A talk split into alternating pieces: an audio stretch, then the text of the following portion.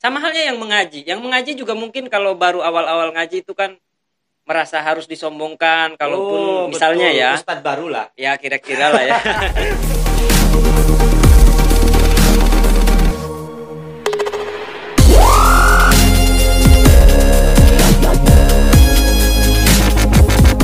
Ke santri di zaman sekarang ini, apalagi kita mendekati hari santri yang kaitannya tidak lepas dengan eh, apa kejadian di Surabaya itu resolusi jihad. Ya, Nah, betul. resolusi jihad. Memang benar apa yang dikatakan Mas eh, Gus Imam itu santri harus terjun di dunia di semua bidang. Jangan sampai bidang-bidang yang harusnya diisi ada santri situ malah diisi orang lain. Cuma kendalanya, kendalanya. Ini mungkin nanti Gus Imam bisa eh, memberikan pandangan atau pesan ya untuk pendengar nanti. Ini kendala utama di dunia pesantren memang kekurangan. Kekurangan eh, apa ya asupan ilmu tentang bidang selain apa namanya agama. Karena memang disuguhinya apalagi santri salafi ya santri salaf itu disuguhinya kitab-kitab dan kitab. Ngaji fikih nahu dan lain sebagainya fan-fannya adapun untuk bidang lain sudah jelas. Nah makanya itu yang tadi saya tanyakan ini Gus Imam kok bisa terjun di dunia pers sedangkan pesantren dibuntet Nah, itu gimana jalannya gitu maksudnya loh. Itu gimana jalannya itu? Sampai bisa eh, terjun di dunia pers kan harus ada ilmunya pengetahuannya. Nah mungkin ini kan untuk ke bidang yang lain pun mungkin sama jalannya ya. Betul betul. nah, mungkin itu pesannya gimana tuh caranya? Jadi memberikan eh, apa ya pandangan ke santri-santri yang lain atau pendengar yang ada nanti. Baik, kepada para listener eh, begini, kalau soal kita berkiprah di mana, kita harus meyakini ini bagian dari anfa'uhum linnas. Itu yang pertama. Eh, khairun nas Anfa'uhum linnas Ya. kira-kira. Jadi itu bagian dari output eh, pembelajaran kita yang sudah dinyam di pesantren. Yang kedua, kita juga kalau masuk pada eh, bidang pers tentunya kita harus meyakini yang kita hadirkan adalah fakta. Ini senada dengan anjuran Islam. Maaf Gus maaf Gus ini sebentar berarti apakah memang di dunia pers itu tidak semua fakta itu yang dihadirkan fakta. Kalaupun ada, artinya dia tidak mampu mendefinisikan Alkitabah al-Muwakkalah. Wah, Jadi itu, definisi Gus? yang kita hadirkan adalah Alkitabah al-Muwakkalah. Jadi ketika kita masuk pada bidang ini, kita harus meyakini inilah fakta-fakta yang kita hadirkan. Artinya tidak mengada-ada. Toh menjadi naif misalnya kita berbicara resolusi jihad. Hari ini apakah ada literaturnya yang memang mampu menghadirkan sejarah waktu hari itu Mm-mm. ketika ada misalnya eh, Kiai Abbas yang dari buntut Yang- iya. pesantren berangkat ke sana itu secara otentik tidak bisa dihadirkan karena tidak ada penulis-penulisnya. Secara otentik tidak bisa dihadirkan. Artinya dia tidak terbukti secara de facto maupun secara de jure. Akhirnya kita seperti hanya mendengar kisah Mahabharata. iya hanya kayak sebuah cerita gitu ya Iya, kan sebetulnya kalau dihadirkan eh, faktanya misal le- lewat tulisan-tulisan itu tentunya Hmm. Buktinya hari ini kita justru lebih mengenal misalnya tokoh-tokoh pers daripada tokoh-tokoh ulama kita. iya Padahal tokoh-tokoh ulama kita juga dulu itu ada misalnya koran eh, eh, duta masyarakat misalnya. Ini koran-koran punya orang NU yang memang latar belakangnya santri, Heeh. latar belakangnya santri gitu. tapi karena untuk tujuannya luas, Luas. sehingga namanya tidak islami Ya namanya. Ini penamaan itu kan kalau dibedah atau kita urai dalam konteks semiotika komunikasi, maka kita juga ya ada di dalam eh, fan Islam itu kita mengenalnya itu eh, ada yang namanya eh Juman Mantik Balago Bayan. Ah, ada dalam dalam dalam ilmu mantik misalnya. sebutin semua Gus cuma mantek bola gue Nah. oke sebentar Gus ini eh, ini pemirsa ini itulah ini kelihatan banget alumni pesantrennya beliau sebutkan tadi semuanya tuh Juman Mantek Bola Gobayan Wah untuk Mantek Bola Gobayan itu fun-fun yang ada di dikaji di pesantren-pesantren. Nah, betul. Itu sebetulnya ada titik atau benang merah dengan hazanah pengetahuan ilmu umum. Hmm. Di ilmu umum itu disebutnya semiotika komunikasi. Setelah semiotika itu ada yang namanya ilmu hermeneutika. Mm. Nah, ilmu-ilmu tersebut itu Ada di pesantren pesantren? itu ada, termasuk Cuma ilmu jurnalistik gitu. Nah, ini pada soal tatanan bagaimana dia melaksanakannya. Iya. Nah, tatanan pelaksanaannya itu itu tinggal diurai. Jadi intinya di pesantren itu ilmunya sangat sangat lengkap sekali karena eh, suka atau tidak hazanah pengetahuan yang ada di pesantren itu sangat kompleks. Ya. Jadi dia itu mulainya dari berbicara soal kebaikan sampai berbicara soal kebenaran. Bahkan kalau diuji secara empiris, eh, hazanah pengetahuan yang diberikan oleh pesantren itu sangat lengkap dan detail. Kenapa? Karena yang dihadirkan adalah nilai-nilai kebenaran. Betul, betul, betul. Karena kalau sudah bicara kebenaran perspektif umum itu, kemudian kita hanya berbicara soal eh, konsensus bersama, berbicara soal apa kemufakatan bersama. Sementara yang dihadirkan oleh agama, dihadirkan oleh pesantren itu itu jelas rumusan soal kebenarannya itu dia harus eh, ada konsistensi, kemudian ada nasabnya. Makanya yang ditanya pertama kali itu bukan siapa ayahmu, siapa ibumu misalnya dalam konteks keilmuan agama itu. Selalu lagi-lagi ditanya kamu dulu pesantren di mana, Mm-mm. siapa gurunya, kira-kira demikian. Nah, maka dalam hal ini saya meyakini oh inilah bentuk apa namanya? bentuk nilai-nilai kebenaran yang tidak bisa ditawar-tawar. Kalau nilai kebenaran yang bisa ditawar-tawar seperti hari ini ini kan eh, sebutlah demokrasi. Demokrasi Betul. itu nilai kebenarannya bisa ditawar karena rumusannya itu dalam sistem demokrasi itu dia objektivitas adalah subjektivitas kebanyakan. Artinya begini, Gimana kalau itu, ada Gus? ada 10 orang, ada 10 Iya. orang, yang enam orang itu mengatakan ini adalah gelas, maka itu harus diyakini ini gelas. Hmm. Tapi dalam konteks agama dia sudah konsisten dari zaman Nabi Adamnya ini gelas. Heeh. Kemudian ada nasabnya. Misalnya si imam itu ngajinya ke siapa? Saya dulu ngaji kepada Kiai Abdul Basit Zain. Kiai Abdul Basit Zain itu mengaji kepada Kalau Kiai Zain. salah, maaf, itu almarhum sudah ya. Betul, almarhum. Masya Allah, Masya Nah, Allah. ini harus ada rentetan yang jelas begitu. Nah, eh, akhirnya konsep dasar berbicara nilai-nilai kebenaran itu ya hanya hanya bukan hanya bisa lebih mudah atau akan lebih mudah dicernanya itu kalau kita mencarinya di pondok pesantren. Kalau mencarinya lewat buku-buku pengetahuan umum itu eh, sangat lamban sekali karena saya juga melakukan perbandingan-perbandingan berbeberapa konsep dasar ya dalam konteks nilai kebenaran, kemudian dalam Hmm. konteks eh, pemahaman secara ansih bagaimana menjalankan proses kehidupan. Ya. Saya kira begitu. Wah, mantap, mantap, mantap. Aduh, saya sampai geleng-geleng ini karena emang penjelasannya luar biasa. Ya, agak-agak nggak ngerti juga sih, Gus. Mungkin kemampuan saya yang masih terbatas, Gus ya. Ini, Gus. Oh, kru juga nggak ngerti. Wah, ini harus ada persepsi lain untuk memahami. ini, Gus. Setelah dua tahun berkiprah, patron idea. Ya. Yang ingin saya tanyakan, apakah tetap pada jalur yang sama ketika pertama kali dibentuk sampai dua tahun ini? Alhamdulillah kita masih Konsisten, istiqomah. Iya betul istiqomah karena ini senada dengan amanah Mbah Maimun Zubair. Oh, yang tadi itu. Betul. Istiqomah. Eh, khairun, apa tuh? Min Min, alfi karoma. Ya, Masya betul. Allah. Ini eh, sekedar apa ya informasi. Pemirsa harus tahu bahwa Patron ID ini sudah berjalan dua tahun dan itu terus naik ratingnya. Luar biasa, luar biasa. Tepuk, tangan dong, kru. Ah, gimana sih Patron ID? Kalau tadi Gus Imam ini membicarakan masalah kebenaran-kebenaran, nilai kebenaran yang ada di pesantren. Dan untuk pemirsa yang ingin mendapatkan berita-berita yang benar, lah baca Patron ID. Apa tadi slogannya, Gus? Bergerak untuk Uh, halayak. bergerak untuk halayak dan saya membuktikan itu karena pergerakan patron ini bukan hanya menyampaikan atau menyuguhkan berita-berita yang fakta tapi juga dalam bidang sosial Gus ya? Betul. belum lama ini saya lihat ada apa namanya taman baca itu Gus? Iya, itu. Nah itu mungkin. Siapa tahu kan nanti eh, setelah melihat video ini mendengar eh, menyaksikan ya. Mungkin ada yang terketuk hatinya kan wah ini mau nyumbang buku atau donasi gimana itu? Oke, oke, kru satu tuh udah janji tuh ya. Nanti nyumbang buat donasi taman baca ya? Apa gimana? Iya, namanya? iya. Eh, Eh, jadi di Patron alhamdulillah kita sudah membuka yang namanya Patron Foundation. Patron Foundation ini konsen pada wilayah literasi. Eh, kita kolaborasi atau elaborasi dengan beberapa taman baca masyarakat di mana kita punya tanggung jawab turut serta memberikan jaminan kepastian hukum bahwasannya pendidikan menjadi tanggung jawab bersama. ya. Nah, Dan juga milik bersama. betul milik bersama. Semua lah, semua warga Indonesia harus harus kan Nah, harus maka- mendapatkan pendidikan.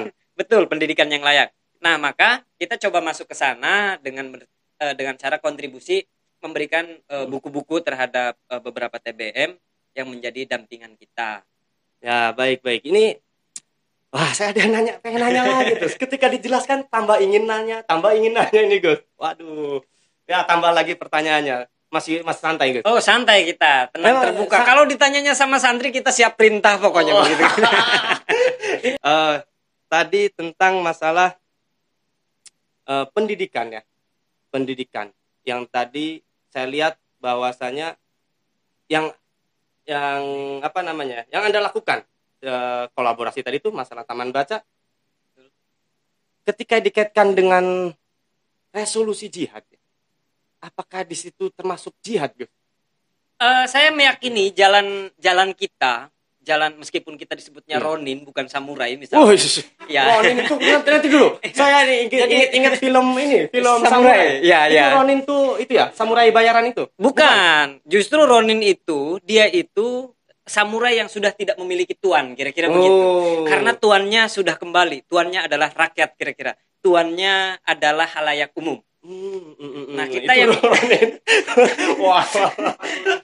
Saya tahunya cuma samurai X, Gus. Nah, kalau samurai itu dia tuannya hanya satu begitu. Hmm. Atau mereka mengatakan oportunis lah ya bahasa lainnya. Jadi semua samurai itu memang harus oportunis karena memang jalan hidupnya. Nah, jalan hidup kita yang ada di samping itu ya berarti jadi Ronin lah ya begitu. Apa sekarang jadi Ronin maksudnya? Iya betul, karena tuan kita hanya satu tadi, tuannya adalah rakyat kira-kira. Nah definisi rakyat ini tentunya harus menghadirkan eh, berbagai perspektif, Eh, baik ras, golongan, kemudian eh, agama, pengetahuan latar belakangnya, kemudian dari apa namanya tempat tinggalnya dan lain-lain. Gitu. ya, ya, ya, ya. Nah, kita ngopi dulu. Nah, kita lanjut kalau konteks eh, yang kita lakukan artinya sudah menjadi kewajiban kita, kita itu harus melakukan eh, jihad, ijtihad dan kemudian mujahadah. Mm-mm. Saya kira itu sudah konsep dasar bagi santri. Tapi kan tidak semua mengerti, Gus, apa yang Anda sampaikan. Coba dah. Jihad, ijtihad, dan mujahadah. Nah, da- dalam konteks jihad, ijtihad dan Dengan bahasa yang mudah dimengerti ya. Mujahadah. Tolong, tolong ini. Dengan bahasa yang dimengerti. Iya, dalam konteks jihadnya itu artinya kita berkiprah sesuai kemampuan kita ya. Dalam konteks ijtihadnya ya kita menentukan jalan hidup pilihan kita. Terakhir mujahadah tentunya kita harus menghadirkan bagaimana cara kita berketuhanan meskipun soal berketuhanan itu tidak perlu dihadirkan di hadapan publik. Mm-mm. Artinya tanggung jawab dia sebagai santri itu ya dia harus enyam dan emban sendiri begitu kira-kira. Konteksnya dia mau berkiprahnya sebagai kiai, berkiprahnya sebagai ustaz, sebagai bisnismen, Apa pun itu profesinya. apa pun itu profesinya, itu kan soal pilihannya Iya, gitu. berarti ada istilah apa tadi tuh? Mazil tuh Taliban. Apa artinya tadi tuh? Wah, ini yang tahu kru mana tadi tuh? Yang satu tuh. Mazil tuh Taliban. Harusnya bangga lah. nah, baik Gus. Aduh, saya ini sangat terpukau. Jujur, jujur. Saya tuh salah satu fans berat terhadap pergerakan Anda, Gus. Karena ini di luar apa ya? Di luar apa yang saya pikirkan. kita kita kenal dari tahun berapa ya? Dan lama terpisah nggak ngobrol lagi. Betul, Baru betul, betul. kali ini kita ketemu lagi. Memang terkesan saya itu terkesan dengan prinsip. Prinsip yang selalu eh, ada dalam obrolan waktu itu. Tapi saya lupa itu. Nah, sebaiknya nih sebagai santri prinsipnya tuh apalah gitu coba. Prinsip yang harus dipegang oleh santri. Nah, ini kalau Kalau Anda sendirilah Iya, selama iya. ini berkiprah, prinsipnya apa? Biasanya kan kalau menurut saya, prinsip setiap orang setiap orang itu berbeda-beda. betul betul. Tapi pastikan ada kesamaan setiap santri. Betul. Prinsip yang harus dipegang itu apa sebagai santri, Gus? apa ya prinsipnya eh, hanya soal menjaga keimanan kita aja lah sederhana artinya sesuai dengan eh, hazanah pengetahuan masing-masing ya. Nggak mungkin lah kita yang pengetahuannya cetek kemudian harus berbuatnya seperti yang pengetahuannya banyak Iya, betul betul. Jadi konteksnya tetap kaulu bilisan tasdiku bil jinan wal amalu bil arkan itu Wih. sudah mendasar ya, mendasar. Eh, sebentar Gus, ketika Anda mengeluarkan dalil saya tuh langsung berpikir gitu mengingat-ingat. Ah, kalau nggak salah itu definisi dari iman ya. Ya, betul. Wih, saya betul dong. itu berarti saya masih masih bisa diakui sebagai santri lah, Ya, karena masih betul. ingat definisi imam. Ya. Tasdiku bil lisan. Iya, kaulu, kaulu. Oh, qaulu bil lisan. Tasdiku bil jinan. Wal amalu bil Wal arkan. amalu bil arkan. Jadi Artikan sudah. dulu, Gus. Wah, nggak semua ngerti. Jadi sederhana saja kalau memang kita baru ngajinya kitab Jurmiyah atau Mm-mm. ngajinya baru Safina ya kita terapin ilmu Safina. Apa yang telah kita kaji? Iya, kalau kita sudah ngajinya eh, takrib, fatul qorib, eh, fatul muin dan lain-lain misalnya, ya kita amalin sesuai dengan pengetahuan kita dan sesuai dengan welfare state ya eh, eh, apa namanya? eh, hazanah keilmuan umum kita. Karena ada titik temu antara ilmu umum dan ilmu agama adalah kebijakan. Artinya semua Maksudnya titik temunya itu adalah kebijakan. Betul, titik temunya adalah kebijakan. Profesor itu pada akhirnya dia e, menjadi santun, menjadi menjadi baik karena dia mulai menemukan titik temu kebijakan itu sendiri. ya apa pun lah. Apakah ada yang ada yang tersinggung? Mohon maaf, mohon maaf, mohon maaf. Oh, oke. Ini senior semua. Ya. Jadi emang Gus, kru dari pesan dan tren ini hampir semuanya adalah santri, Gus. Iya, saya saya yakin betul karena memang dari platformnya juga ini menyenangkan menurut Ya. saya. Platformnya itu apresiasi dong. Gila loh. dari platformnya pesan dan tren. Nah, oh ya benar. nah Tron. kalau pesan itu kalau kita misal mengurainya dari teorinya eh, Habermas atau teorinya eh, dari teori orang komunikasi atau Tahu nggak Habermas? Itu siapa, Gus? oh, itu hablum, hablum, hablum minallah, hablum minanas. Jadi kalau ngomong soal pesan ini saya kira memang pesantren ini harus bisa menghadirkan soal pesan. Pesan ini eh, sesuai dengan teorinya John Terry, John Stephen Awari atau dengan teorinya John yang Kay tidak? enggak enggak teori teori yang ada di kitab Jurmiyah misalnya Ada di judulnya. Ada, ada di Jurmiyah. Di Apa Jurmiyah itu, fa amma domatu fatakunu fi arba'ati mawad- mawadi'a fil iya. ismil mufradi wa jam'i taksiri wa jam'il muannatsi salimi wal fi'lul mudhari'un alladzi lam yatasil bi akhiri syai'un, ya. Saya mau mengurai ini dalam konteks eh, perspektif secara umum. Wah, Pertama, tadi itu. Iya, Lafaz jurumiyah tadi. betul. Itu Mau bisa diurai eh, secara umum Oke, oke, asik nih. Coba, coba, coba. Nah, dalam konteks secara umum artinya sebetulnya harkat martabatnya santri itu sudah jelas adanya di atas. Mm-mm. Karena Fa'ama Domatu dia posisinya sudah Doma. jelas. Iya, Doma itu di atas, nggak ada ceritanya Doma di bawah. Yang di bawah itu kasroh ya. Ya, kalau bahasa Serang itu jer. Jer ya. Jadi artinya Betul kalangan kan? santri ini kalangan yang memang terhormat atau dalam bukunya Marxis itu bisa disebut kalangan burjuis gitu ya. Burjuis namanya. Betul. Karena memang pengetahuannya yang memang bagus atau dalam eh, literatur di India itu kalau dia kastanya kasta Brahma itu biasanya dari golongan guru atau dari eh, kalangan orang-orang yang terdidik Mm. atau para filosof atau ya kiai atau Itu yang kasta Brahma kasta namanya. yang paling tinggi. Paling tinggi? Hmm. Paling tinggi. Senada dengan jurumiyah tadi atau disebutnya Fama. Domah itu ya. Maka gerakannya juga gerakan santri ini eh, harus menghadirkan jurumiyah itu tadi. Pertama fil ismil mufrodi. Dia harus konsisten dengan pilihannya. Fil ismil mufrodi itu menunjukkan dirinya sendiri Iya. dengan bahasa Inggris disebutnya be yourself misalnya begitu tuh. Oh. Apa kan be, your- be yourself. Nah, itu itu itu santri semuanya pasti ngerti lah ya karena memang itu itu isi mufrad. Iya, Oh, isi mufrad isi gitu. Nah, santri itu karena memang identik dia meyakini soal bahasa juga eh, biasanya paham berbagai literatur atau berbagai bahasa. Mm-mm. Karena kalau kita tidak paham berbagai bahasa, artinya kita akan ditipu suatu hari nanti. Jelas dalilnya man arafa lughata qaumin amana mim makrihim. Oh, Jadi ya sudah tidak ada ruang gitu yang tidak bisa diisi oleh santri. barang siapa yang mengerti Ah. atau tahu Satu bahasa, Bahasa atau kaum. satu kaum dia tidak akan Amanah mim Oh, dia akan selamat Iya, dari kira-kira. tipu dayanya. tipu dayanya. Oh, betul betul. Jadi sekali. ketika kita berhadapan dengan Zionis Yahudi, misalnya sampai itu terselip dalam doa kita ya, Allahumma suril ikhwanin min Zionisil musyrikin. Bagaimana kita akan melawan mereka kalau kita hanya menghadirkan doa? Mm-mm. Ini kan senaif tanpa ada langkah Nah, kira-kira karena senaif-naifnya manusia itu yang hanya bisa menengadahkan tangan saja. Mm-mm. Kalau dalam konteks secara umum, karena ada eh, langkahnya selain berkata, berbuat misalnya, pada akhirnya Ya, harus bil mengadahkan, iya, bil qol. Nah, cuman kalau santri, eh, saya pikir nggak akan demikian. oh kalau santri tuh bil hizib Wah, kira-kira begitu. wah ini tahu nggak nih hizib nih bil hizib lah untuk menaklukkan musuh ya betul betul. aduh mohon maaf mohon maaf melenceng tadi sampai mana tuh Gus? lupa ya Gus ya benar itu bil hizib tadi sampai lupa Gusnya tuh mau ngomong apa lagi itu Ya soal soal pesan. Nah ini Hmm. pesan dari eh, kalangan pesantren tentunya harus sampai.